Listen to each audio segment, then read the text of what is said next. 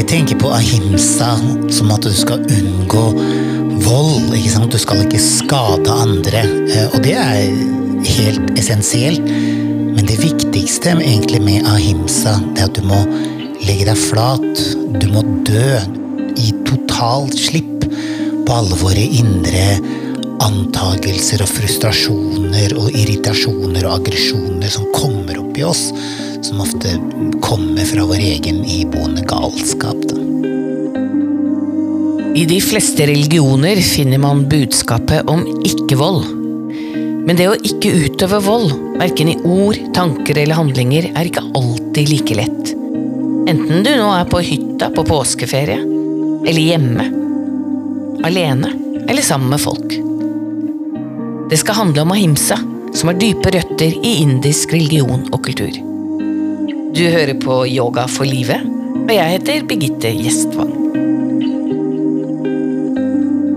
Alexander Medin, eh, kan du huske sist du var skikkelig sint eller forbanna?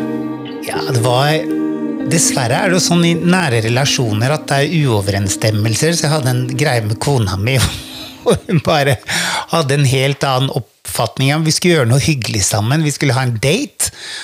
Og så plutselig ville hun en ting, og så ville jeg noe annet, og så var det en uenighet og strid om det. Så tenkte jeg jeg skulle Jeg syns jeg underkasta meg så. Kan vi ikke gjøre gjøre som du vil, men kan ikke bare gjøre én av mine ting? Men så ble det en misforståelse, og så ble det total konflikt. bare bagatell, egentlig. din- Men noen man elsker, og det er forferdelig. Det er de nærmeste som ofte får svi.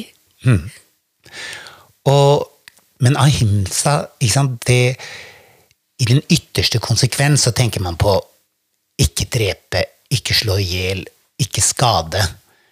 Men på et subtilt plan så handler jo ahimsa om å ikke utøve lidelse og skade andre med våre tanker, ord og handlinger. Og det er lett å lære seg å kanskje stoppe og slå når man blir frustrert. Men å ikke tenke negative tanker, og ikke komme med stikkende, ødeleggende kommentarer og liksom banke opp noen med våre ord, det krever eh, en helt annen styrke og kontroll. Eh, Og der tror jeg vi alle har mye å lære. Ja, fordi ahimsa er jo et urgammelt begrep fra østlig filosofi. Du som på en måte er en hva skal vi si, Du har master i sanskrit, du har virkelig fordypet deg. Kan du si litt om røttene? Ja, altså Røttene til ahimsa ser vi først på en måte om slutten av vediske perioden, kanskje si 3000 år siden, eller noe sånt. Så begynner de å snakke om ahimsa når de utfører på en måte disse ritualene, eh, offerritualene, at det skal være så lite lidelse som mulig for noen av dyrene. Og så tar jo buddhismen og jainismen ahimsa til et mye, mye høyere nivå. Og så følger vi på en måte hinduismen etter senere. Eh, og når det gjelder yogalitteraturen, så er jo ahimsa på en måte den første eh, yamas av de fem grunnleggende leveregler som man trenger å på en måte være bevisst, og man ønsker å gjøre sinnet mer mottagelig for en indre ro, balanse, og på, på lang sikt kunne oppleve samadhi. Da. Og da er de Og samadhi er Samadhi er på en måte et balansert eh, sinn som, er i, som opplever en indre klarhet, velvære, ro, lykke, glede. Som i henhold til yoga er vår underliggende eh, eksistens. Og det som er så vakkert med ahimsa, det er liksom at det, uten å lære å regulere negative, destruktive, ødeleggende tanke- og handlingsmønstre, så er det ingen eh, grobunn. Det er ingen mottagelighet for en dypere nærhet. Det er eh, umulig. Og det høres jo veldig riktig ut. Altså, jeg tror de fleste kan være enig i at det er dumt å slå, det er dumt å eh, tenke mye negativt om andre, eller behandle folk voldelig, også verbalt. Men det er flere eh, yogalærere jeg, vi har intervjuet, og som har vært med i Yoga for livet i denne podkasten som vi driver. Og veldig mange av de kommer innom begrepet ahimsa. Og det som stadig går igjen, er jo at tross alt så er vi bare mennesker. Jeg kjenner på sjalusi, eh, jeg kan være misunnelig, og jeg kan være eitrende forbanna kanskje en ting eh, som en annen ville synes vært helt greit. Og jeg kan jo ikke bare undertrykke det og si å, nå må jeg bare puste litt til og gjøre et par solhilsener til, så kan jeg gå salig rundt i verden. Det kan jo bli litt eh, forenklet, det òg. Ja, det blir en, en, en, en virkelighetsflukt, en fornektelse, en dissosiasjon fra virkeligheten. Ikke sant? Det, øvelsen er jo på en måte romme frustrasjonen, den iboende kanskje sinnet og raseriet man kjenner, men å ikke reagere på det. da. Ja, så du må på en måte erkjenne det først. Ja, vi er mennesker, vi blir forbanna. Det er helt naturlig, det. Men når man lærer seg liksom kjenne på hvor ødeleggende raseri eh, kan være da, for vår sinnsro, vår utvikling, vår nærhet eh, til andre mennesker, så prøver man å regulere den destruktive atferden, fordi det, det, konsekvensen av det blir så forstyrrende og ødeleggende i eget liv og i andres. Bare tenk på de gangene du har kjent på dyp smerte. Kanskje du har skada deg fysisk, kanskje noen har krenka deg, eller kanskje ikke har ment det, men at du kjenner på liksom en sånn dyp indre smerte og fortvilelse. Og det er ikke noen da, Vi har ikke noen nærhet da, til de lune, gode, nære ting. For vi, vi er så preget av, av smerten og vondten og verkene. Og derfor liksom, når man får disse harde slagene, om det skulle være fysisk, eller om det skulle være med ord eller vold eller alle former for misbruk, så, så setter det spor. Og det blir vondter og verker og traumer som, som binder oss og gjør at den lidelsen fortsetter, istedenfor vi kan gradvis liksom se igjennom alle disse mønstrene vi har bundet og fanget i, og kjenne igjen noe som bare er på baksiden. En renhet, en klarhet som er tilgjengelig for alle. Men vi må liksom legge bort vår destruktive atferd og negative, irritable atferd for å på en måte bare erkjenne den, gjøre oss våken til den og, og kjenne på den. Hvordan regulerer du det? jeg har ikke helt uh, lyktes med altså, altså, jeg har jo selvfølgelig eh, det, det må du nesten spørre kona mi om. Hun kan nok svare på det bedre enn meg. jeg tror hun syns at jeg er irritabel, og at jeg kan bli eh, litt eh, kanskje ja, eh, kort i lunta noen ganger, og, og sånn. Dessverre, altså. Det er virkeligheten min, at iblant så har vi noen diskusjoner hvor vi er uenige, men vi prøver for det meste alltid liksom Oi, hva er det vi holder på med her, liksom? Og så klarer vi å redde situasjonen. Men det jeg prøver å gjøre når jeg merker at eh, jeg blir skikkelig irritert, det er på en måte å prøve å tenke på det motsatte. Prøve okay. å tenke kjærlighetsfulle tanker, eller prøve liksom bare å romme irritasjonen, aggresjonen, og tenke på liksom alle de gangene jeg på en måte har vært kort og hard og på en måte gitt noen ørefiker med eh, replikker, eller satt dem på plass verbalt, brent broer. Hvor ødeleggende og hvor elendig jeg kjenner meg etterpå når jeg har gjort det. Og det, det er ikke verdt det. Men bare for å være eh, veldig konkret her. Altså det hender vi må forsvare oss. Noen kan angripe oss fysisk, eller noen faktisk krenker oss virkelig på det groveste. Eh, Da da holder det jo ikke bare å tenke motsatte tanker.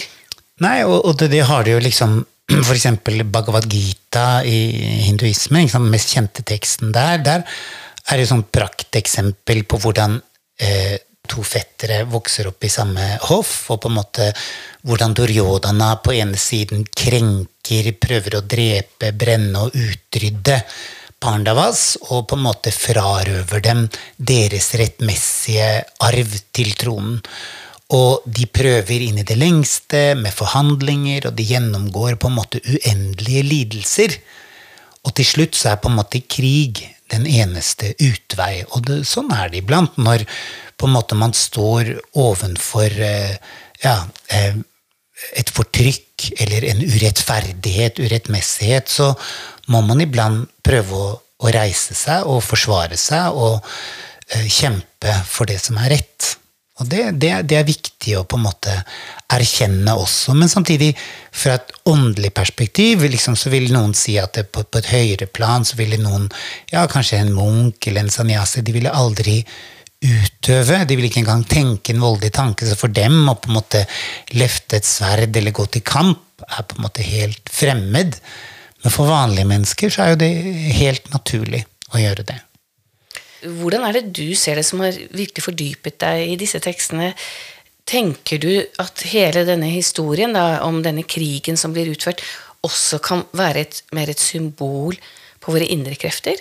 Eller tolker du det mer som en reell hendelse at av og til må vi gå til krig? Altså, jeg tolker Mahabharata som en på en måte historisk beretning beretning om noe som skjedde for mange tusen år siden. Og det er fordi jeg har på en måte gått ganske dypt inn i hele indiske tradisjonen og historiefortellingene der. Men jeg tror også på en måte hele Gandhis tolkning, og se på en måte styrken i ahimsa og satyagraha-bevegelsen som på en måte han sto for.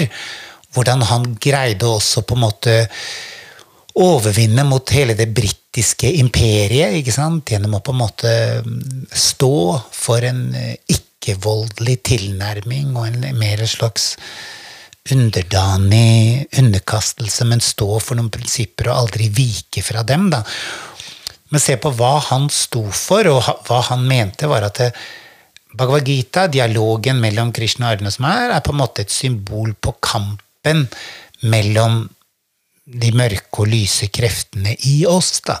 Og vi har motsetninger i livet. Vi har ondskap. Det er galskap og saker og ting som er fordrøyd. De motsetninger vil jo alltid være i et samfunn, og de motsetningene vil også være i oss som enkeltindivider. Så hva som er viktig å fokusere på, hva er det vi velger å dyrke fram? Klarer man å ta vare på de noble, gode kvalitetene, da vokser man, da får man en annen innsikt, man får en helt annen glede. Og man går for liksom de, de kjappe løsningene, går for mer sånn de primitive primaldriften og behovene, og liksom lever ut i reptilhjernen, så blir det en annen, kanskje øyeblikkelig tilfredsstillelse, men med en mer langvarig lidelse. da. Alexander, du driver jo da Nøsen yoga fjellhotell, og hit kommer det mennesker fra alle mulige jeg holdt på å si verdenshjørner, men også fra alle mulige samfunnslag. Og også folk som har vært på kjøret, rusavhengige, kanskje vært innsatt. Tenker du at du driver et stykke fredsarbeid her oppe? Jeg, skulle ønske jeg var flinkere i det, og det er jo det som er prinsippet og lengslene våre å gi noe tilbake til en menneske og en type målgruppe som har gått seg helt vill. Og vi ønsker jo etter beste evne på en måte prøve å hjelpe alle de unge eller middelalderlige menneskene som kommer hit og har eh, år med rus og kriminalitet bak seg. Og noen personer klarer vi å lykkes med å få til fantastiske vendepunkt i livet, hvor de blir liksom strålende samfunnsborgere som er med å bidra. og det er klart, det går en kule varmt her iblant også, når vi har folk som er drøye i sin oppførsel og frekke og ikke prøver, og ikke ser, og, og, og vi klarer ikke å nå dem da, med de verdiene vi står for. Da må vi være tydelige og klare å ha noen veldig litt sånn strenge rammer. Og enten så anpasser de seg til det og forstår det, eller så blir de forbanna på oss og vi gjør som de vil, og da må de helt enkelt dra et annet sted. Og vi er jo midt i påsken nå. Og alt det du snakker om nå, kan jo også uh, minne om det kristne budskap og de ti bud.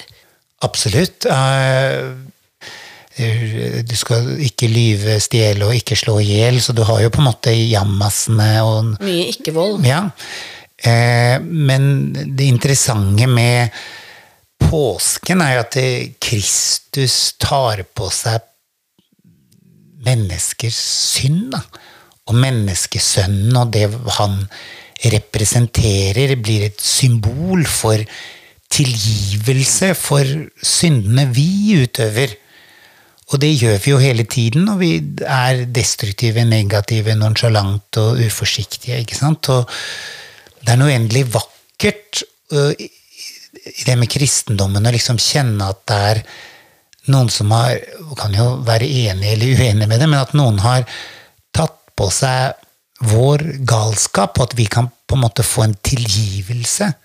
Og så kan jo Det interessante er på selve langfredagen, som var på en måte eh, selve lidelsens dag for Kristus, når han på en måte i skjærtorsdagen svetta blod gjennom porene og blir hengt på korset og spytta på og på en måte Ja, på alle måter bare krenka, men på en måte klarer likevel da å finne en slags tilgivelse til menneskene. Han henger der på korset, og den ene banditten sier 'hvorfor går du ikke bare ned?' og på en måte så sier han liksom nei, tilgi dem, fordi de vet ikke hva de gjør. Og det er det som er styrken når vi som enkeltindivider utøver vold og krenker andre. Ofte så er det jo fordi vi ikke vet hva vi holder på med.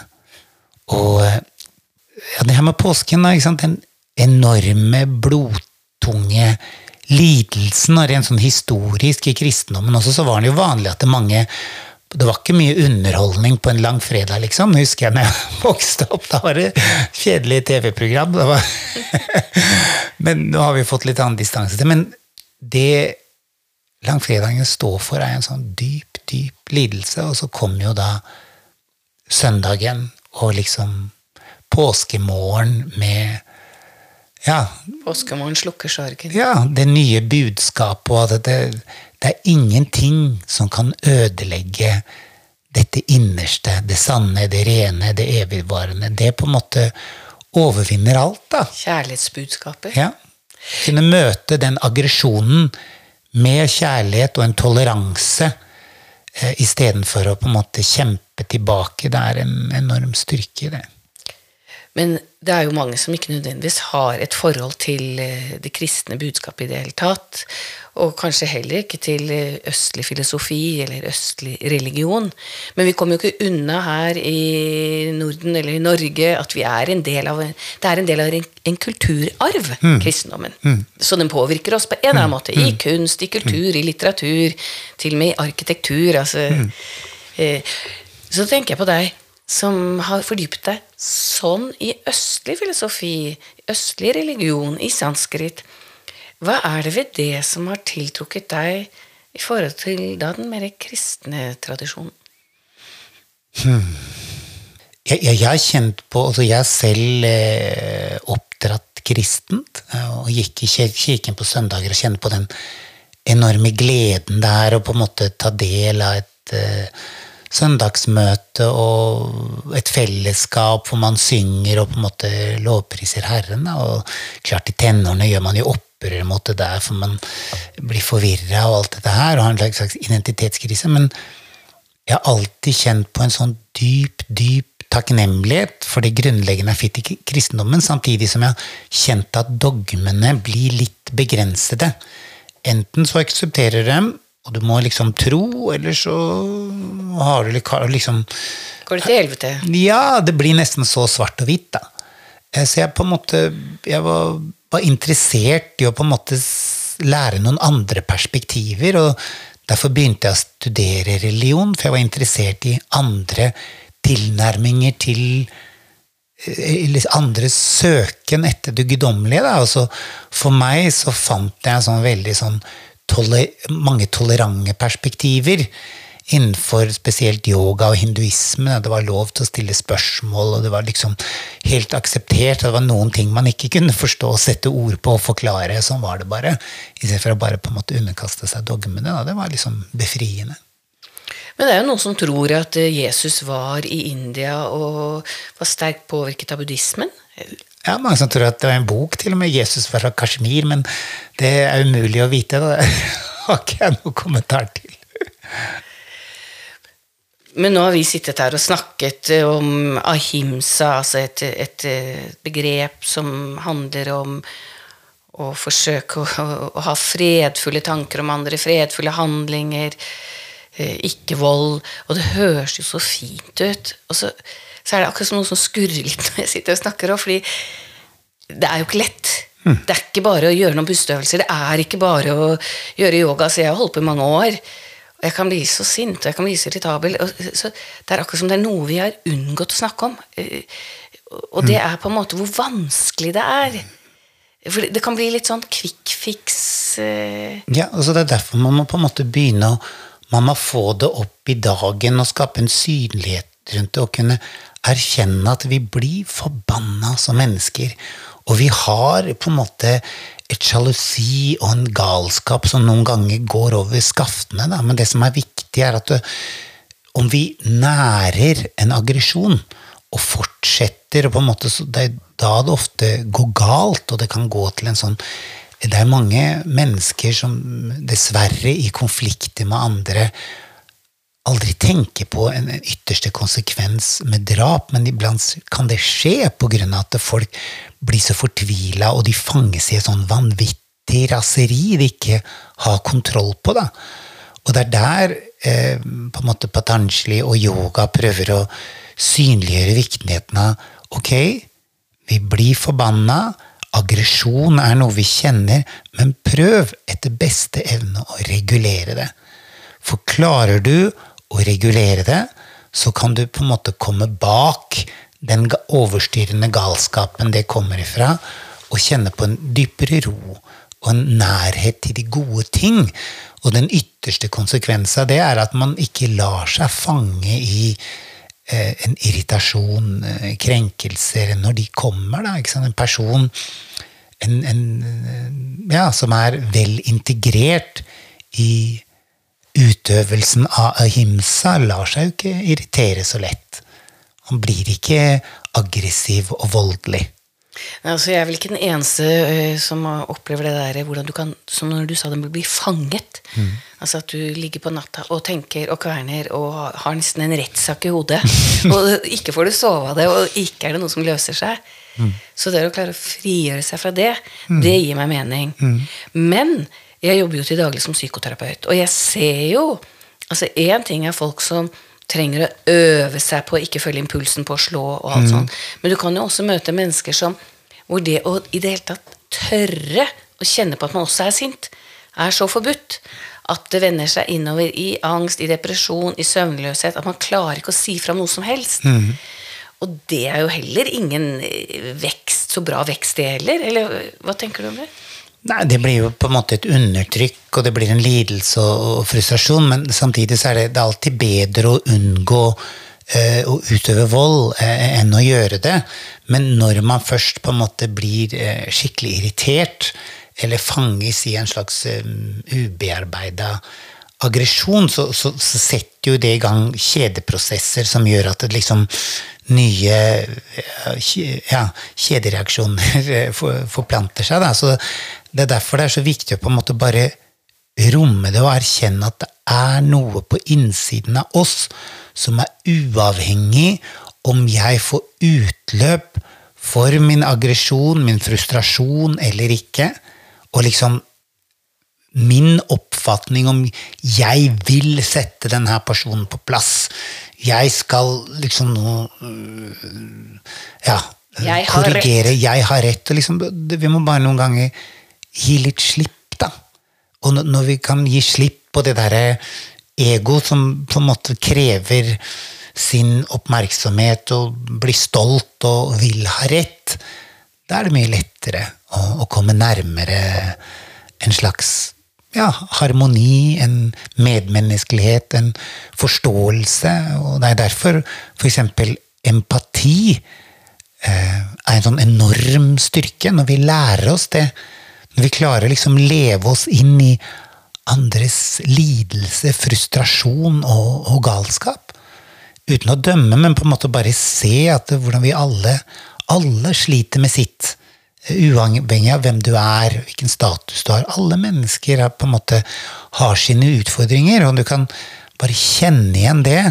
Og kjenne at det, og du som enkeltindivid kan prøve å bli litt mer nøytral da, i reaksjonsmønstrene og hvordan vi roper og skriker og reagerer og dømmer. Da blir det litt lettere å på en måte synke inn i denne balan, underliggende balansen. Da. Jeg vet at du gjør veldig mye yoga, i hvert fall mer enn de fleste. Mediterer og sjanter. Syns du det hjelper deg? Altså, den store praksisen av yoga er jo livet. Hverdagen, de små øyeblikk der.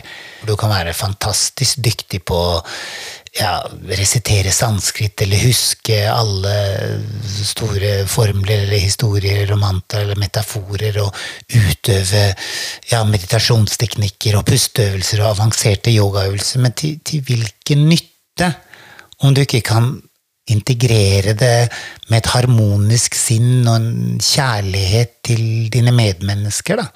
Ikke sant? Og når du, det er alltid lett å være harmonisk når livet går oss vel. Når livet leker. Da være snill. Men når vi møter liksom krisene, utfordringene Og det er, det er den store øvelsen. Men for å svare på de spørsmålene Ja, jeg, jeg bruker litt tid på å gjøre noen meditasjonsøvelser, pust og bevegelse gjennom yoga for å på en måte bare rydde bort litt støy og støv og på en måte sånne underliggende skurringer som litt kommer fra det å, å leve og kjenne seg uggen og være fanga i, i, livets motpoler. da. Og ja, jeg liker å resitere noen sanskrittekster fordi jeg er glad. Jeg kjenner på en, en, sånn enorm glede når jeg iblant leser noen av de tekstene. kan du noen du kunne tenke deg å ta i forbindelse med ahimsa? Dette temaet vi nå har snakket om. Ikke vold. Verken i ord, tanker eller handlinger. Ja, den mest kjente er jo en, en sånn shanti-mantra fra, fra vedaskriftene. Og der er betydelsen liksom Å, store skaper, la oss sammen være trygge. La oss være beskytta og nærede. Ikke la det være noe fiendeskap mellom oss. Liksom det er fred, fred, fred. Og den, den går sånn her, da. ॐ सहनाभवतु सह नौ भुनक्तु सह वीर्यं करवावहै तेजस्विनावधीतमस्तु मा विद्विषावहै। ॐ शान्तिः शान्तिः शान्तिः। Harihi om.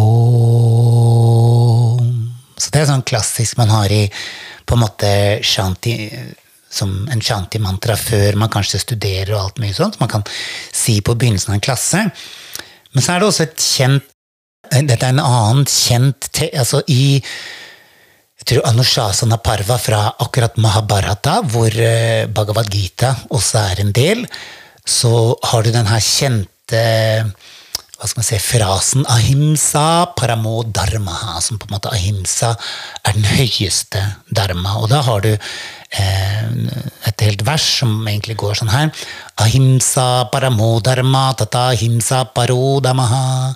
Ahimsa paramam danam ahimsa paramam tapaha. Ahimsa paramo yagna tata ahimsa parambalam. Ahimsa paramam mitram ahimsa paramam sukham. Ahimsa paramam satyam ahimsa paramam shrutam. Og det betyr kort fortalt så betyr det egentlig ahimsa er den høyeste dharma. Det er den høyeste selvkontroll, regulering. Og dharma, ikke sant? Det høyeste dharma, hva vil du Dharma betyr det som støtter opp under et, eh, et rikt liv. Det er jo veldig fint. Eh, en liten påminnelse å ha med seg også i påsken. Ahimsa. Å forsøke, enten man er på hytta eller hjemme eller på jobb eller sammen med venner eller i byen eller hvor man enn er og forsøke å ha en stemning og bidra til å skape ikke-vold, verken i ord, tanker eller handlinger. Ja, og da, vi er alle bidragsytere til samfunnet. Alexander Medin, da ønsker jeg deg en fortsatt god påske. God påske til deg òg.